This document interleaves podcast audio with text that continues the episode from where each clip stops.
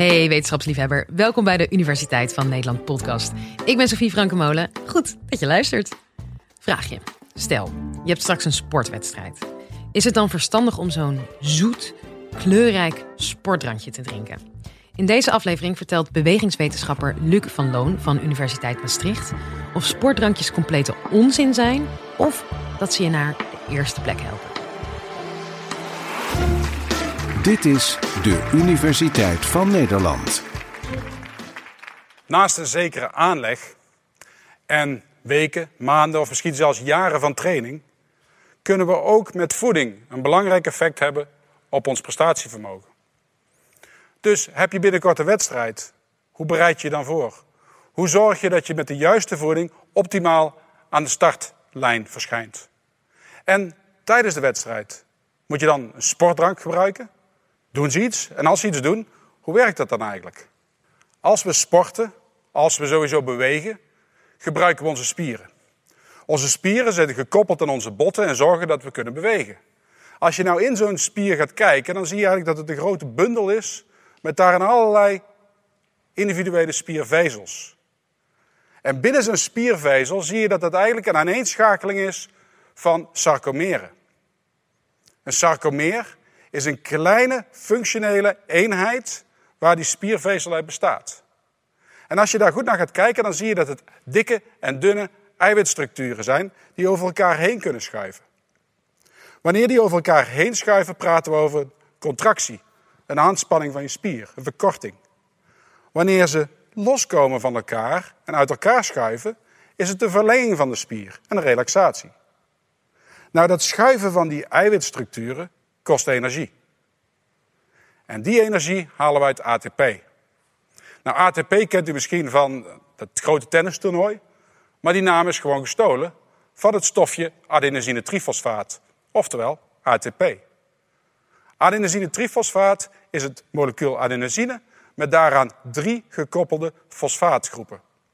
En wanneer zo'n fosfaatgroep losgekoppeld wordt, komt er energie bij vrij.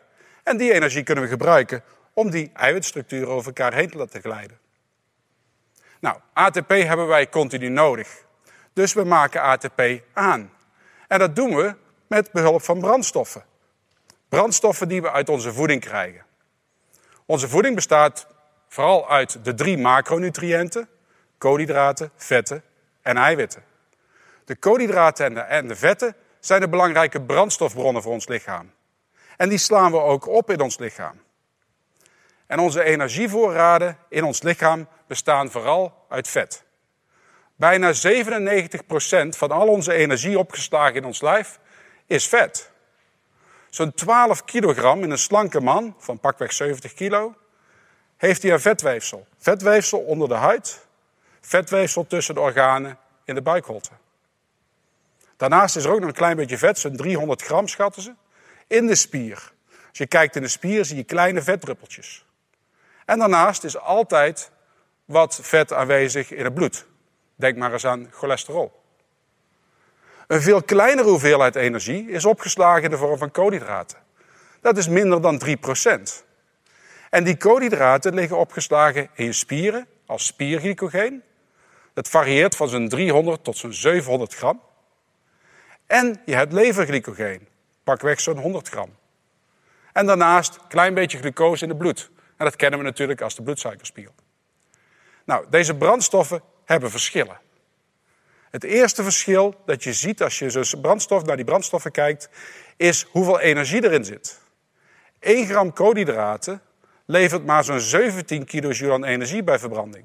Terwijl 1 gram vetten maar liefst 38 kilojoule energie levert. Oftewel, het is heel efficiënt om energie op te slaan in vet. Theoretisch zou je op je hoeveelheid vet zeven dagen kunnen hardlopen, 24 uur per dag, voordat het op is. Dat is natuurlijk alleen maar theoretisch. Op je hoeveelheid koolhydraten zou je dat maar zo'n 60 tot 90 minuten kunnen doen. Een ander belangrijk verschil is de omzetsnelheid. De energie die in deze brandstoffen zit, is voor koolhydraten er veel sneller uit te halen dan voor vetten. En voor vetten is die veel langzamer dan voor koolhydraten. Ik vergelijk het altijd met diesel en kerosine. Waarbij vetten eigenlijk diesel zijn en kerosine, dat zijn de koolhydraten. En het lichaam is in staat die verschillende brandstofbronnen en zelfs de locatie daarvan te gebruiken om zo de ideale prestatie neer te zetten.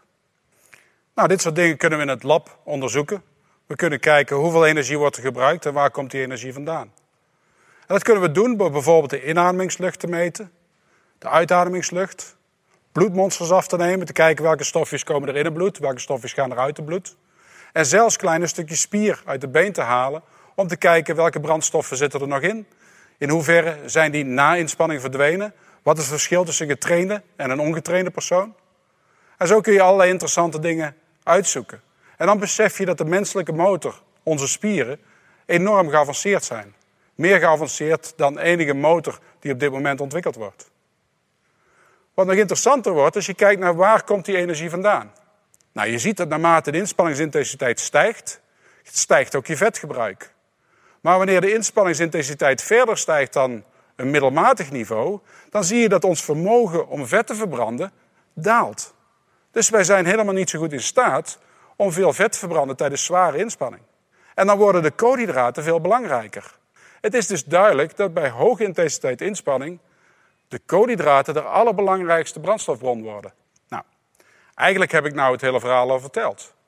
Als je belangrijkste energiebron je koolhydraten zijn, en er is maar 3% van je energie opgeslagen in koolhydraten, dan kan het wel eens zo zijn dat je koolhydraatvoorraden beperkend zijn voor de prestatie van een atleet. Nou, dat is dus ook daadwerkelijk het geval.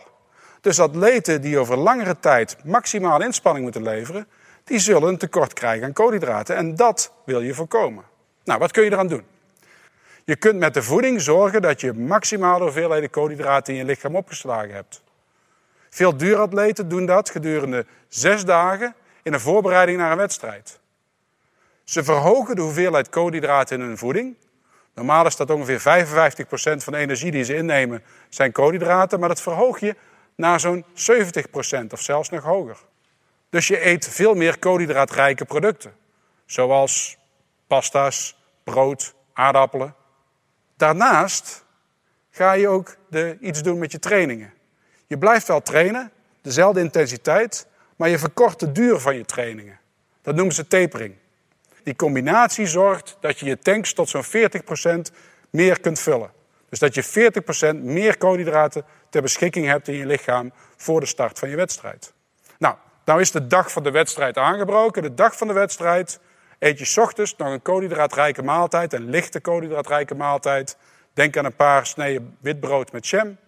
En dat is om even die lever nog aan te vullen.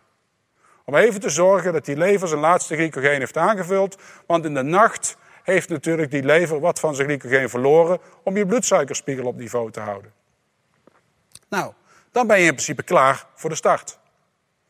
Is de wedstrijd nou van een hoog niveau en moet je over één of meerdere uren presteren, dan is het verstandig om ook een sportdrankje te gaan gebruiken.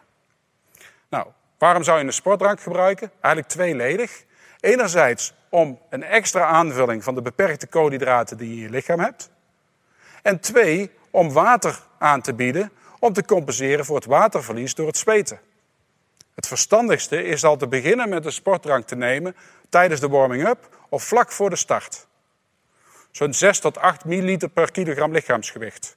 Dan moet je dus denken aan zo'n 400 tot 500 milliliter. Best veel voor iemand die veel hard loopt en weinig drinkt, maar niet zoveel voor een wielrenner die dat gewend is. Maar dit zijn dingen waar je aan kunt wennen. Gedurende de wedstrijd neem je dan zo'n 2 tot 3 milliliter per kilogram lichaamsgewicht elke 15 tot 20 minuten. Want dan zorg je er voor een hele mooie eh, gelijkmatige aanvoer van sportdrank in je systeem. Nou, wanneer helpen deze sportdranken? Als je kijkt naar het wetenschappelijk onderzoek, dan zijn deze sportdranken, deze koolhydraatdranken, alleen prestatieverhogend wanneer je te weinig koolhydraten in je lichaam hebt. Dat wil dus zeggen bij zwaar, middelmatig tot zware inspanning die langer dan één of twee uur duurt. Want dan wordt het steeds belangrijker. En dan natuurlijk de vraag van wat is de beste sportdrank? En daar heeft iedereen zijn eigen mening over. Maar eigenlijk is er geen ideale sportdrank. Dus de ideale sportdrank die is gewoon heel individueel. Hoeveel vocht ga je verliezen? Denk je te gaan verliezen in de omstandigheden waarin je gaat sporten? En hoeveel koolhydraten denk je nodig te hebben? Bij die twee samen kom je op de ideale sportdrank op dat ideale moment. En je wil natuurlijk geen fouten maken, want als je darmproblemen krijgt tijdens een wedstrijd, dan kan dat een negatief effect hebben op je prestatie. Nu heb je je sportdrank genomen, je hebt je voorbereid. Misschien heb je een podium, podiumplaats uh, te pakken. Of je beseft dat je nog veel meer moet trainen. Maar wat nu? Je koolhydraatvoorraden zijn geledigd en je zult ze weer aan moeten vullen. Dat is geen probleem. Binnen 48 uur, als je normaal eet, zijn die koolhydraatvoorraden weer hersteld. Maar pas op, als je elke dag maximaal moet presteren, denk bijvoorbeeld aan de Tour de France, dan wordt het zaak dat je die glycogeenvoorraden snel herstelt. Want anders ben je niet in staat om je prestatieniveau te handhaven. Daarvoor wordt opnieuw een koolhydraatrijke voeding gebruikt, eventueel aangevuld met het gebruik van hersteldranken. Hersteldranken bevatten meestal nog meer koolhydraten dan de sportdrankjes waar we het zojuist over gehad hebben. En bevatten ook nog eiwitten. En die eiwitten zijn niet voor je herstel van je, van je, van je koolhydraatvoorraden, maar wel voor het aanpassen van de spieren en het herstel van schade. Nou, naast regelmatige training is voeding dus duidelijk een belangrijke factor waarmee we ons prestatievermogen kunnen verbeteren. Hiervoor kunnen we gewone voeding gebruiken en eventueel aangevuld met sportspecifieke producten zoals sportdranken. Want een sportdrank op de fiets is natuurlijk makkelijker dan een bord pasta. Een goede voeding en een verstandig gebruik van specifieke sportvoeding garanderen geen topprestaties natuurlijk. Maar zonder een goede voeding zal het optimaal functioneren van onze menselijke motor altijd onmogelijk blijven.